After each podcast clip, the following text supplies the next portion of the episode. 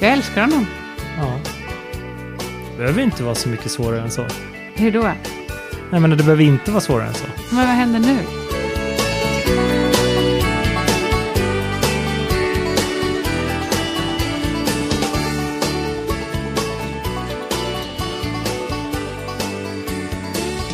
Hej! Hur Hej! är läget då? Jag har varit och badat idag Mm. med mitt barn. Och, och Varför ser du så pillemarisk ut? Badade ni nakna förklaringen- båda två? Ja, nej, hon badade naken. Jag badade väl inte så mycket alls. Jag hade shorts på mig. Men, men eh, det, när du frågade hur, hur är läget så... Ett svar på det är att, att min reaktion på när jag stod och badade med henne och det kom en oskyldig pojke. Nej, han var absolut inte oskyldig. Han var kanske i åtta års åldern, sju, åtta år. Sprang i badet precis där vi stod. Mm. Och skvätte upp ganska mycket vatten skulle jag säga över Mm. mig. Jag hade ju liksom t-shirt och shorts, alltså jag hade liksom kläder på mig, jag var ju Mm. inte så här badklädd.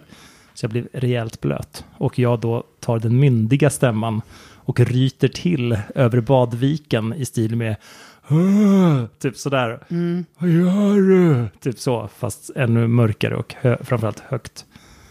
Och, eh, och han bara tittar på mig och bara förlåt, förlåt. Typ så. Och jag känner Mm. bara, ja det där kanske var lite väl att ta i. Eh, inte att jag sa ifrån, det tycker jag, det hade man ju kunnat göra, verkligen. Alltså så här, Mm. det är inte konstigt, det är klart man ska säga ifrån och så här, men du, så här, kan du ta det lugnt, du skvätter liksom, typ så.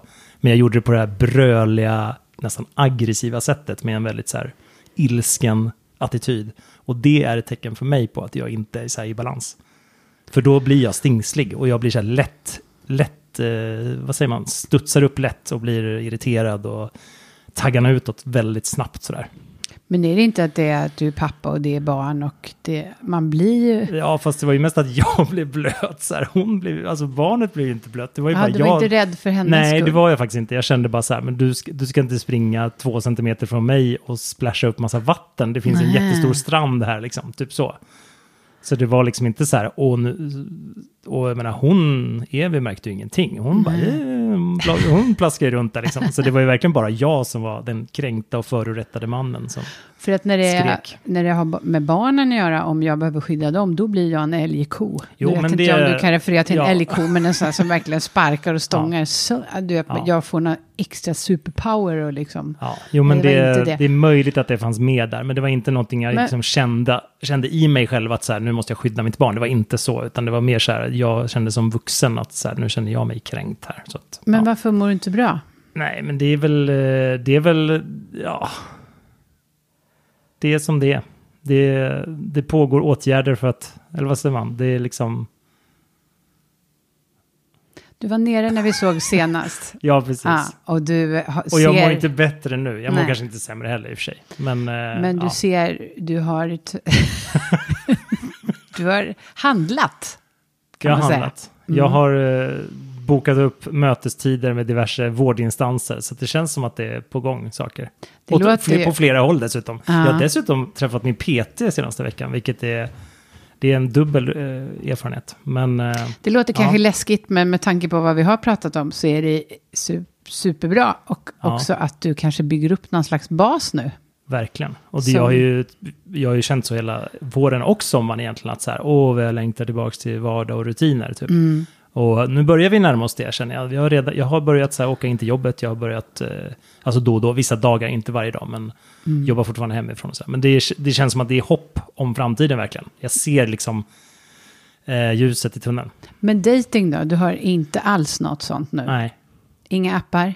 Jag har varit inne i några appar faktiskt. Du har ja, det jag har ändå? Det. Men det är också väldigt så här, återinstallerat någon app, kollat, haft en dag, raderat igen. Typ så. Varför? Varför jag raderat eller varför Nej, jag har varför du återinstallerat? går in ändå liksom? Ah, gud, vilken bra fråga. Jag tror bara det är som förströelse liksom. Mm. Och kanske också för den där upplevelsen av att så här, ja men tänk om det är någon jätteudda person eller någon jag känner Mm. eller du vet så här, en jätteoväntad matchning eller någonting som bara skakar om en. Tänk om jag missar den Ja, rätta? gud, det är ju så mycket spelmekanik i det. Man Ah. förstår ju det, man är ju så hooked. Det är lite som att vara spelmissbrukare och bara, jag ska bara dra en gång till till kasinot och dra i, i spaken. Alltså Ah. verkligen så här. Men eh, som jag sa, det, jag har ju också tagit bort dem också. Så, eller liksom jag har inte pratat med någon eller matchat med någon. Men är det inte så, när, när det inte är digitalt, Mm. jag tänker när jag var yngre så var det ju den här chansen, hoppet om att kanske träffa på en spännande människa. Ett möte behövde inte vara just en partner Ja. eller kärlek. Just det. Det var det som gjorde att man orkade ta sig upp ur soffan och Mm. dra ut och dansa eller Mm. gå på krogen eller gå på kurs. Eller de här mötena man Mm. var ute efter. Som är beroendeframkallande för att man Mm. mår så himla bra Mm. när man träffar någon ny och det klickar. Oavsett om det är vän eller vad det Ja, än kan varför, vara. precis. Varför, varför fortsätter folk att gå ut på Ja. krogen ef- efter att ha varit bakis och trötta och misslyckade? Eller vad eller som sådär, helst. liksom. Ja. Ja, visst, visst. Så det är inte konstigt, det är bara det Nej. att nu tar vi oss ingenstans, utan vi sitter där i vår ensamhet, Ja. tittar på appen i vår ensamhet, raderar appen i vår ensamhet och är kvar i vår ensamhet. När vi har varit på krogen har vi åtminstone liksom, kanske ändå pratat dansat, med någon kanske. Pratat, dansat, haft roligt, laddat upp.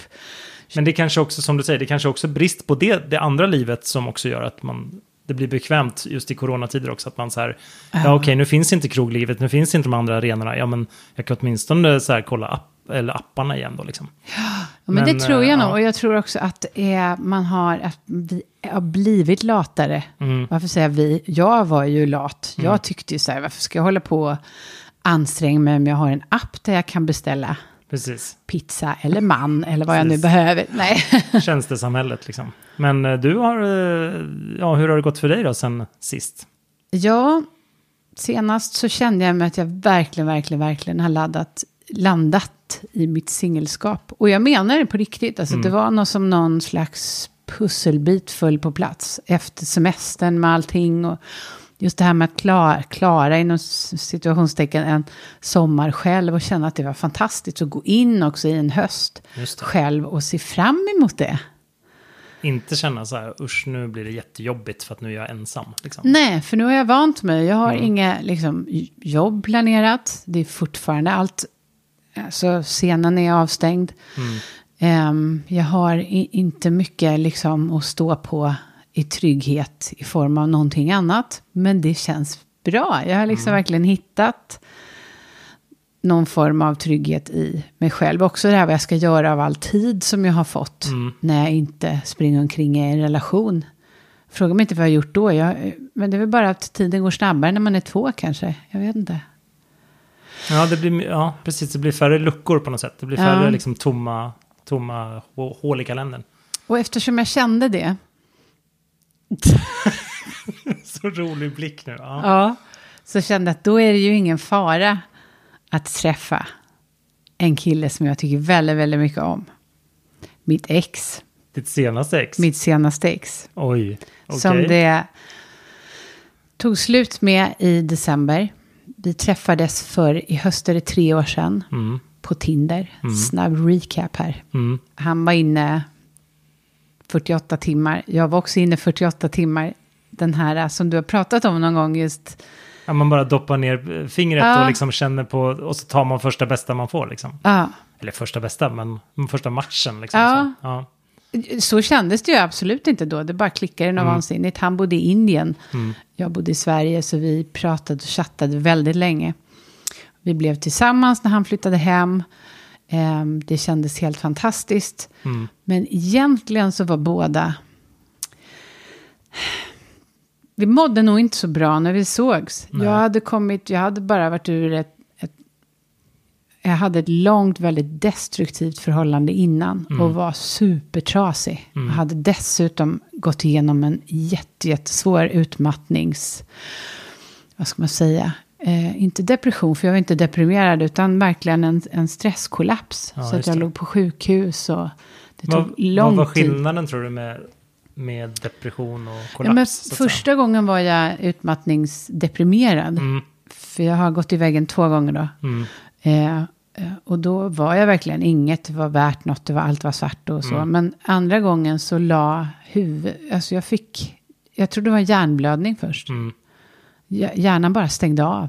Det blev alldeles för... Jag överhettad hårddisk. Det bara började Mer som spinna. en, som en kognitiv reaktion, Ja, det för, precis. snarare än så här att man Jag mår tappade- dåligt i ja. sig. Så, ja. Jag tappar minnet, jag tappar läs och skriv, liksom hur man Mm. gör när man läser och skriver. Jag tappar alltså det har jag ju fortfarande problem med.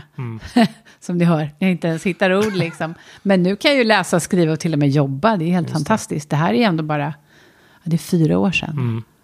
Mm. Är det det? Ja, gud. Och då, med, dem, med den, så att säga, med det färskt. Men det bagaget gick jag in i den här relationen. Han kom också med jättetungt bagage och alldeles för mycket runt omkring sig. Och vi är, är otroligt lika bakgrund men kommer från två olika planeter när det gäller kommunikation. Mm. Också för att vi har liksom levt i två relationer precis innan som sett olika ut. Och jag hade ju panik i början. Skulle jag gå in i en ny relation när jag precis hade haft en relation som Mm. var så otroligt dålig för mig.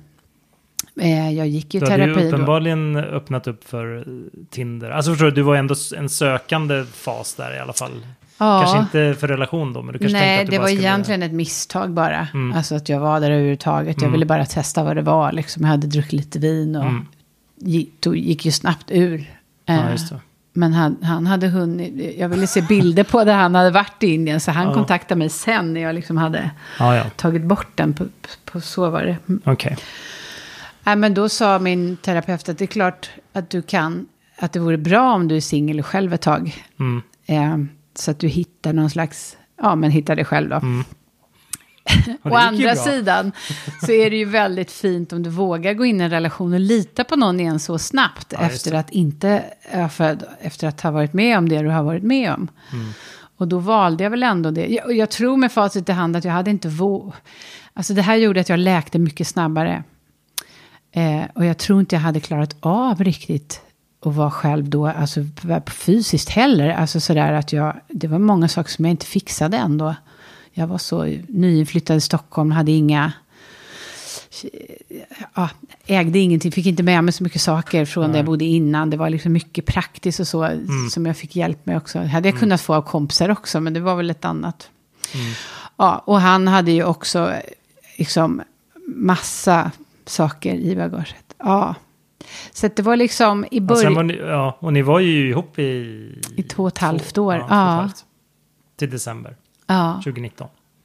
Men vad som hände var ju att jag började må bättre och bättre. Jag blev friskare och friskare. Jag blev piggare och piggare. Han började må sämre och sämre. Blev ledsnare och ledsnare. Mådde, ja, mådde inte bra. Kan man tänka att det fanns utrymme för honom att, må sämre också? Alltså om du hade haft det tuffast av er i början och att liksom... Att det var hans tur Säkert. lite grann. Att så här, han, Säkert. han stöttade dig först och sen, Ja. och sen liksom Sen så... när jag började bli stabil, då började han krascha. Mm, Och sen kraschade han rejält. Och jag kan säga det här för att han har pratat Mm. om det öppet också. Åh, ja. Och det var ju tufft, alltså tufft. Han började må dåligt efter ett år. mm, Så ett och ett halvt år var det ju en situation där jag på ett sätt kunde stötta. För att jag, han gick in i väggen då helt enkelt och fick en depression. mm. Å ena sidan kunde jag stötta, jag visste. Ja men nu händer det här, nu händer det här, jag behövde inte vara orolig. Å andra sidan var jag världens sämsta stöd. För att jag kunde heller inte låta någon vila i, så här var det för mig, så här Nej, gjorde jag. Jag skulle liksom in och bara, nej det blev inte alls bra. Ville lösa det också, antar jag. Ja, Eller, alltså, gud ja. du vet ju, jag är ju en handlingens kvinna Ja. som säger, okej, vad gör vi då? ja. Och skulle då tvinga in honom i en massa lösningssätt. behöver ju inte vara fel i och för sig. Menar, om motsatsen är att bara vara helt passiv och låta någon bara gräva ner sig ännu mer. Alltså det är ju inte kanske det bästa Nej, heller. och jag tror att eh, till mitt försvar då ska jag väl säga att utan mig och utan att jag har satt ner foten och sagt nu får du verkligen, verkligen liksom tänka efter hur du vill göra, annars Mm. så funkar det inte. Så tror jag inte han hade kommit fram så snabbt. Ja. Men till sist så gjorde jag slutet för jag kände att jag höll på att gå in i väggen av att stötta någon som gick in i väggen. Och så kände jag att jag kände att jag, kan inte, jag är inte bra för honom längre. Nej. Du vet, så himla sorgligt. Vad, Ja, vilka, vilket vatten har runnit under vilka broar sedan dess? Ah. Hur kommer det sig att ni nu då har ja setts men igen? nej, sen, jag åkte iväg till Kuba en månad. Mm. Ehm, vi har försökt att verkligen hålla distansen och inte haft så mycket kontakt. Um, därför att det, inte, det har inte gått heller. Nej. Det har gjort för ont också att se någon må så dåligt och bara så här. Ha det bra, förklara dig själv. Precis. Sen faktiskt, det thanks, här har inte jag sagt, men för första gången vi såg varandra igen, då såg vi varandra på Tinder. Ja, Och då blev jag fullständigt rasande.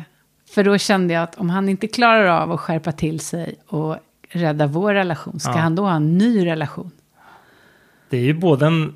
en eh, jag förstår reaktionen. Ja, Men har man gjort slut så är det också så här, ja, du har ditt liv. Du vet så här, vet. du får ta dina dåliga beslut. Du är, inte, du är inte ansvarig för hans misstag så att säga, längre. Nej. Nu kanske du är det igen, det vet jag inte. Men, Men alltså, och det här har jag hört för kvinnor som just antingen har levt med en man länge eller inte. Och så hittar de honom där plötsligt och bara...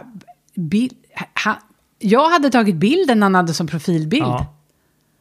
Det har jag varit med om, åt båda håll.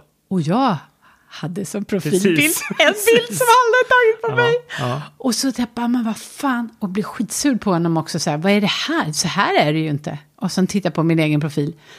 Och det sa ju han också. Ja, för jag tog, hoppade i, i, typ i bilen och körde dit och bara, vad håller du på med? Och han bara, vad håller du på med? Typ. Exakt. Ja. Ja. Okej. Och då insåg vi någonstans att vi har ju känslor för varandra. Men, så då träffades vi några gånger. Ja. Kanske en eller två. Men det blev ju fullständigt. Det gick inte alls. Nej. För att jag hade så mycket sorg och bitterhet hos mig också att han inte kunde. Jag såg bara allt han inte kunde. Han var fortfarande han och du var fortfarande du så att säga. Ja, men i jag liksom- tror inte jag såg mig själv i det liksom alls. Nej. Sen, såg, ja, sen sågs vi någon gång. I, han har börjat äta medicin, gå i Mm. terapi, träna, börjat komma i ordning med sitt liv. Så när det kom en gym-selfie, då jävlar! Precis. Nej, Nej. jag skojar bara. Eh, åh, det här är så svårt att prata om. Mm. Ja, men vi har pratat, pratat, vi har hört och vi har pratat, pratat, pratat timmar. Alltså timmar, timmar, timmar, timmar. Och Mm. varför? Jag, jag vet inte varför. Är det att... Varför jag inte kan släppa? De få dejter jag varit på lever ju inte upp till honom alls. Nej. Men betyder det för att jag vet vad jag har, inte vad jag får? Är jag kär i kärleken? Förstår du? Ja, just det. Det är svårt också att jämföra någon man träffar första gången med någon man känner jätteväl. Ja, men så och- är det alltså ju sådär. också. Ja. Men också bara allting, ja. Så att jag har liksom inte vågat lita på mig själv. Och jag har också inte trott att, ja men nu håller jag bara på för att jag inte kan vara singel. Vilket jättelångt svar.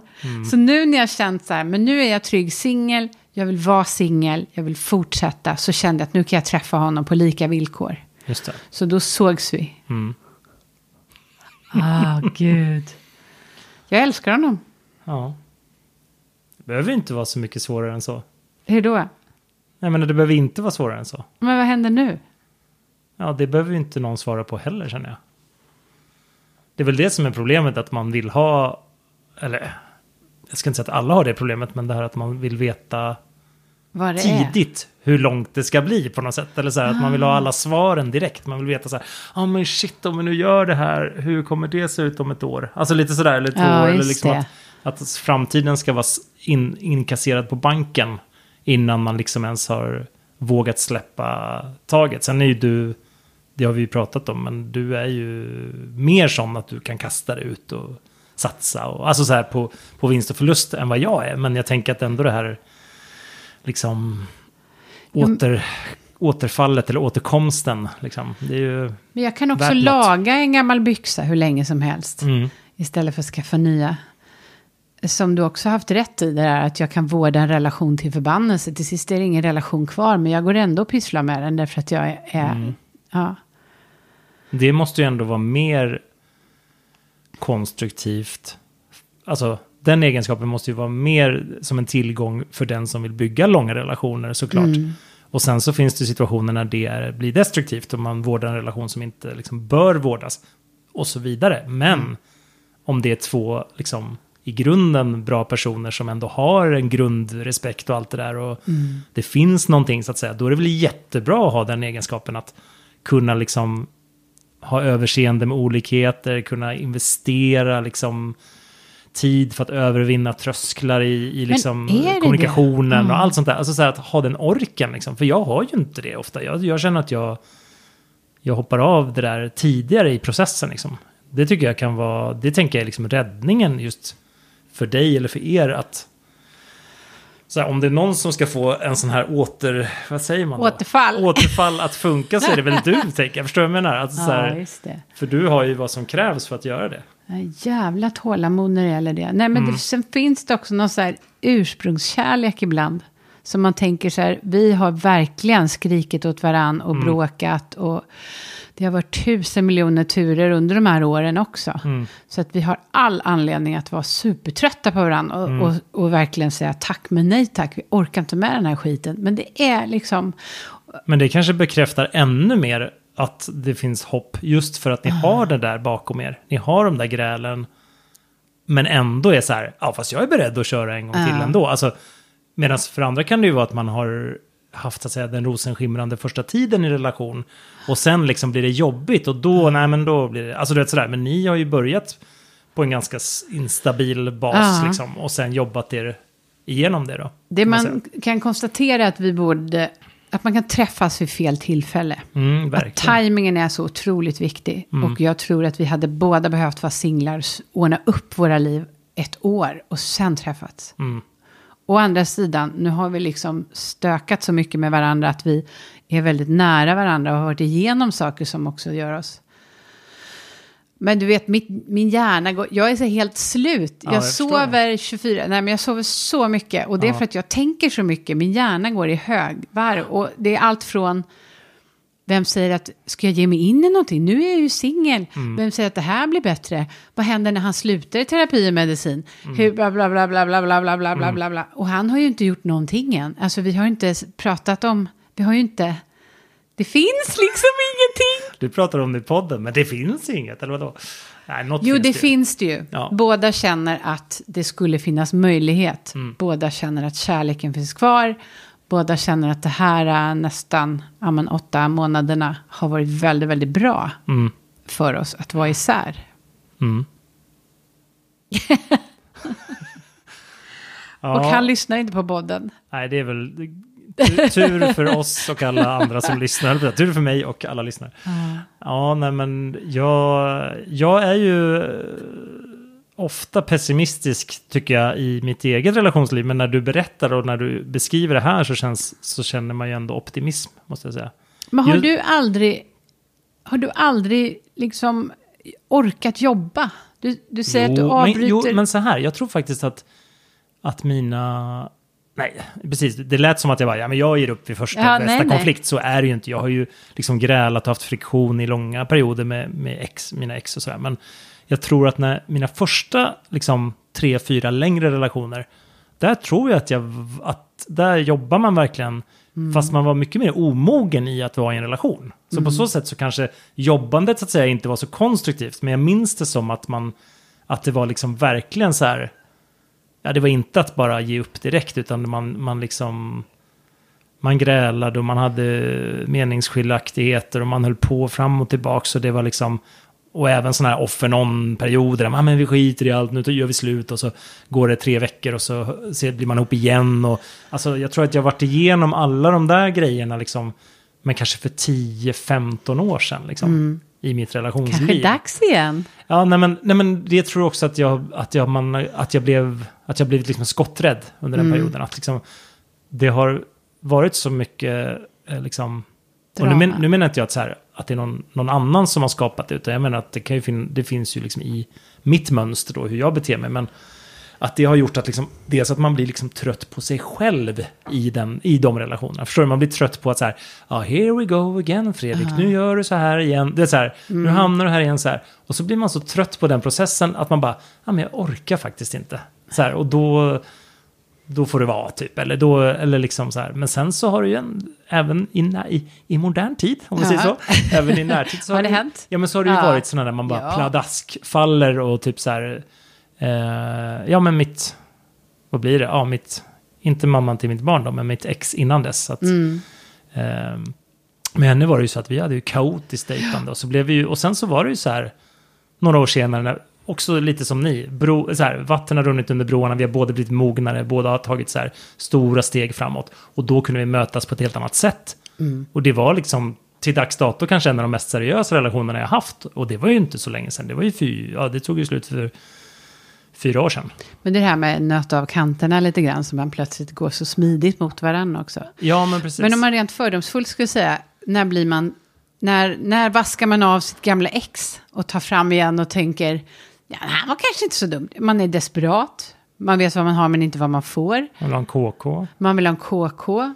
Eller man vill... eh, nej, Han har, han har en mysig, mysig utomhuspool. Nej, men, Ja, men jag tycker, bastu. Fast jag tycker att så här, om man verkligen, om du pratar om att så här, bli ihop med ett ex och plocka upp det igen, då som, som ni verkar vara på, på den stigen, så att säga. Mm. Då tänker jag just att så, det måste ju ha hänt någonting emellan. Alltså det måste ha runnit vatten. Gud, Ja, jag säger- det. Jag har sagt, jag har sagt rinna vatten under broarna fem gånger i den här podden, men, eller avsnittet. Men, men det måste ju ha hänt något sen man var ihop. Antingen om det är typ så här, någon har gått i någon slags behandling eller någon har bytt hela sin livs... Det kan ju vara så enkelt som att någon har bytt jobb eller någon, någon har ändrat på, på livsförutsättningarna. Eller liksom bytt omständigheter. Säg att när man var ihop så var den ena superstressad över någonting. Ja. Och det fanns inte möjligheter att ha en bra relation. Och nu helt plötsligt så finns det det. Ja men då kan, du, då kan det ju funka. Eller tvärtom, något i privatlivet som har ändrats eller så. Men, Jag skulle vilja ha en tredje instans här som Mm. gick in och avgjorde om jag är vid mina sinnesfulla bruk. Om han är Ja. det också. Så jag funderar på, kan man gå just ett, till ett sånt här, vad heter det i rätten? Så här, ett lätt... Ja, kanske en hel jury, som de var i Ja. USA, att det sitter 15 pers och så berättar vi våra historier och hur vi känner nu och så får de avgöra. Ja. Gud vad skönt! Ja. Eller vi kanske ska ha en omröstning i podden. Gud.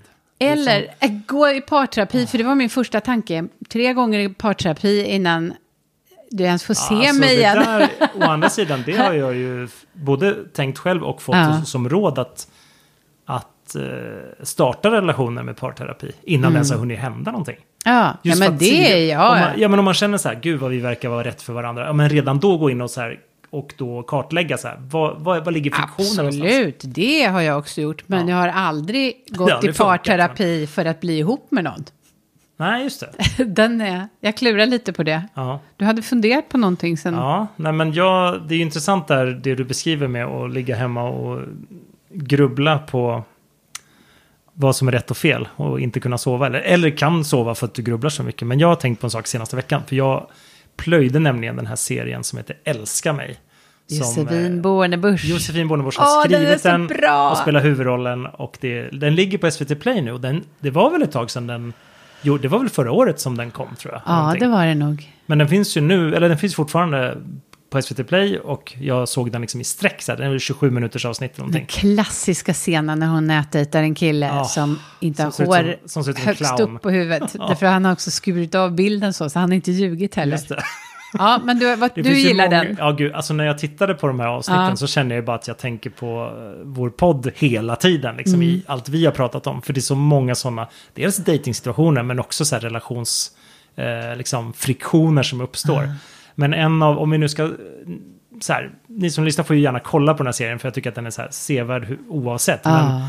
men, och fantastiska skådisar. Alltså det är väldigt så här, ja, vad ska man kalla det för? Autentiskt vardagsskådespel. Alltså det känns som att så här, ja, det här känns som riktiga personer. Förutom att alla är så här vit medelklass som det alltid är med dramaserier. Men Fast är det inte också för att det ska symbolisera den här väldigt nojiga medelklassmiljön också. innerstadsmänniskan. Som liksom. har allt men ändå ingenting. Ja.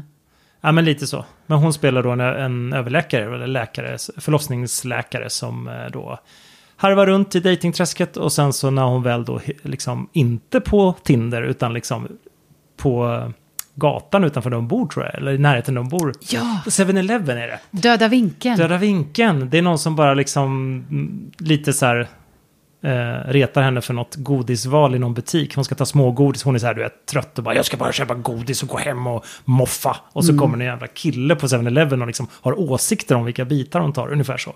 Så börjar deras liksom i alla fall, men hel, om vi ska inte dra hela handlingen utan bara summera känslan som det slutar med utan att avslöja allting. Då är det det här liksom, övertänk inte för mycket, våga ge sig hän. Hon i serien, hon velar fram och tillbaka som sagt, hon gör till och med slut och det, då blir ihop och hej och så här. Men liksom sensmoralen är liksom så här, men gå, liksom följ magen. Du, Ah. du känner ju att det här är en bra person. Eller du känner ju så här, hjärtat. Ja. och, och lite också det här som vi pratar om nu, så här, våga också så här, ta... eh, Risken. Jo, men ta friktionen. För han, Ja. Hon som hon blir ihop med då, har ju en tonårsson till exempel. Som är jätteanti från början. Och då blir hon så här, när avskräckt, bara, "Men jag kan inte bli ihop med honom. Han, hennes, hans barn vill ju hata Avslöja ju. inte för mycket Nej, okej, nu förlåt, för men- de som inte har sett. Ja. Vi får klippa bort. Eh, Nej. I alla fall, men så det är liksom känslan är ju liksom verkligen så här bara följ magen, kör på det och liksom ge dig hän och våga riska, våga liksom satsa. Och sen är det lite sådär Hollywood förenklat såklart, men det är ju alltid, och det, det är, en, det är liksom mitt första så här som har präglat senaste veckan, för jag har liksom plöjt den serien.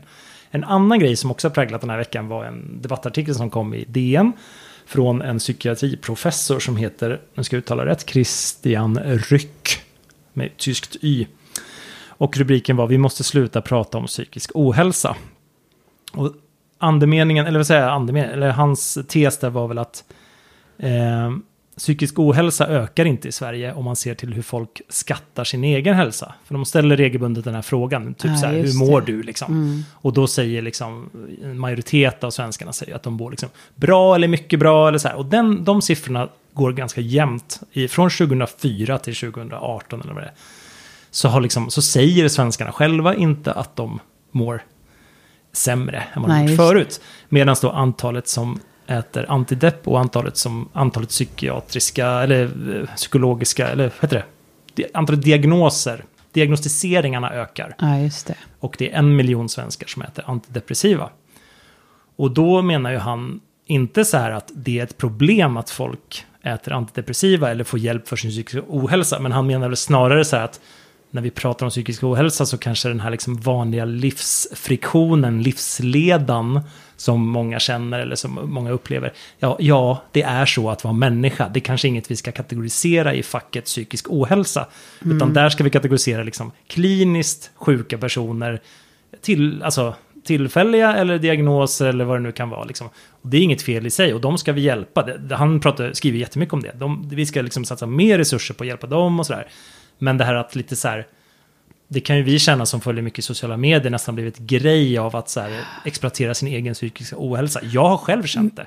Jag, har, pratar ju mycket om liksom, det. Ja. Jag pratar mycket om det när jag pratar om utmattning och så. Ja. Det är många, jag har skrivit en bok om det till och med nu. Då är det Ja. många som hör av sig. Åh, hjälp, jag är utmattad, jag måste söka hjälp. Och så blir man ännu mer stressad. Ja. För att man tror att man är dödligt stressad.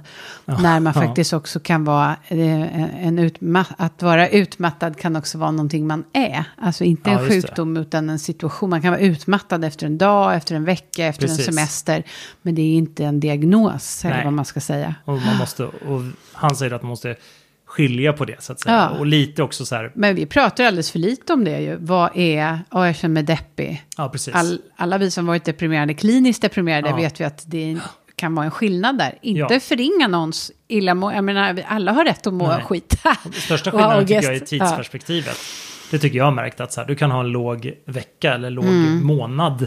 Men om det blir månader, om det blir år, ja då är det något Ja, eller annat. att det påverkar allt i hela livet, Ja, så är det visst. klart. Och Ja. du sjunker under, precis, du, du liksom tappar all Så jag förmåga. menar att han, han eh, säger också det, tänk inte så mycket. Tänk, som Johan säger, tänk på de som, som eh, liksom fokuserar på de som faktiskt har eh, liksom Men kliniska problem. Och, men, liksom att, men tänk på att, eller det här är ju min fria tolkning, men tänk också på att det, det kan vara jobbigt att vara människa. Typ, Ja, så här, just oavsett det. liksom. Men det vill säga, ta inte dig själv på så jävla stort allvar. Ja, men lite så. Ja. Det var en spaning tillsammans med den här Älska mig-serien. Den tredje Ja. grejen som jag tänkte på, det var så här, när, då tänkte jag tillbaka på mitt eget liv. Så här, när kände jag att jag själv var i bra balans senast? Alltså Ja. psykiskt då. Och kanske fysiskt också faktiskt. Då, och då insåg jag så här, ja men det var nog konstigt nog under småbarnsåren, eller på. Nej, men under liksom den tiden som eh, vi fick barn och eh, man var väldigt fokuserad på att ta hand om det barnet. Jag bodde tillsammans med barnets mamma första året, eller drygt första året. Och vi hjälptes ju åt, vi var inte ihop då, men vi hjälptes ju åt att liksom Mm. ta hand om det barnet och allt det där. Och då fanns det liksom en balans i att det fanns en extrem rutin och extrem vardag, eller extrem vardag, men det fanns en vardag som var liksom att vi var ju ändå en liten familj där som vi åt ju på samma tider och vi liksom jag tror att jag eh, påverkades positivt av, av eh, hen, alltså mammans då matvanor till exempel. Men, men det som slog mig var ju också så här, men var jag på topp? Mådde jag, mådde jag fantastiskt bra under den här perioden? Nej, kanske inte varje dag, alltså då och då liksom.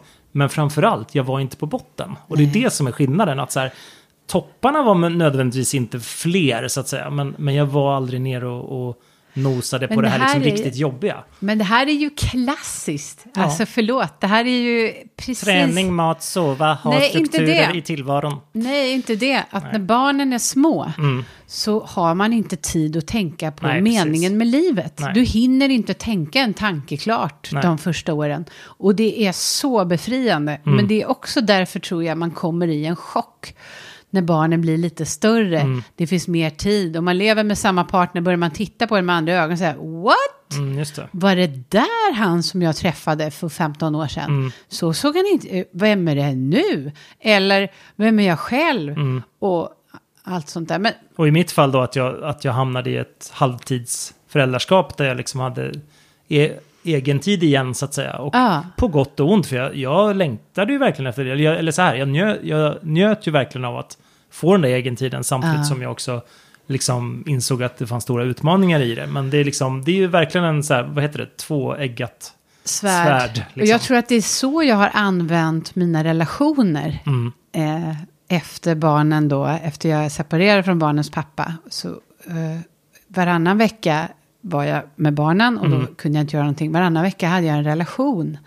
Som gjorde att jag heller inte... Ja, men du vet den här rutinen. Mm. Vi gör det, vi äter räkor och vitt vin på fredag. Vi- Ja, du behöver men- inte fundera så mycket på... du, vi gör våra intressen, vi har lite hobbys, vi har Ja. något projekt. Ja. Och då hinner man inte tänka på meningen med livet. Och det kanske är bra! Egentligen, det du säger nu, den här spaningen, ja, den de är ju... tre spaningarna liksom. Det är ju right back at you. Ja, det är det ju såklart. Och mig, Mm. nu då. Men det är ju det är, det är också världens tråkigaste spaning som är så här. Men sluta grubbla så mycket. Tänk inte så mycket. Nej, men- Gör det bara, gör det bara. Och Ja, men bara det är här, väl båda två då. Du Ja. säger att du inte mår så himla bra, men eh, du kanske inte ska ta dig själv på superstort allvar mer än att du ändrar de här sakerna som du nu börjar dra Mm, i, som är jättebra.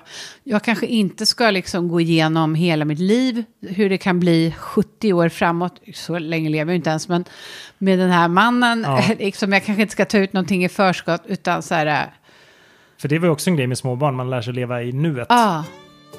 Nu sätter vi punkt här, så tänker Ja. vi inte mer, utan nu bara gör vi. Okej, Okej. hej hej.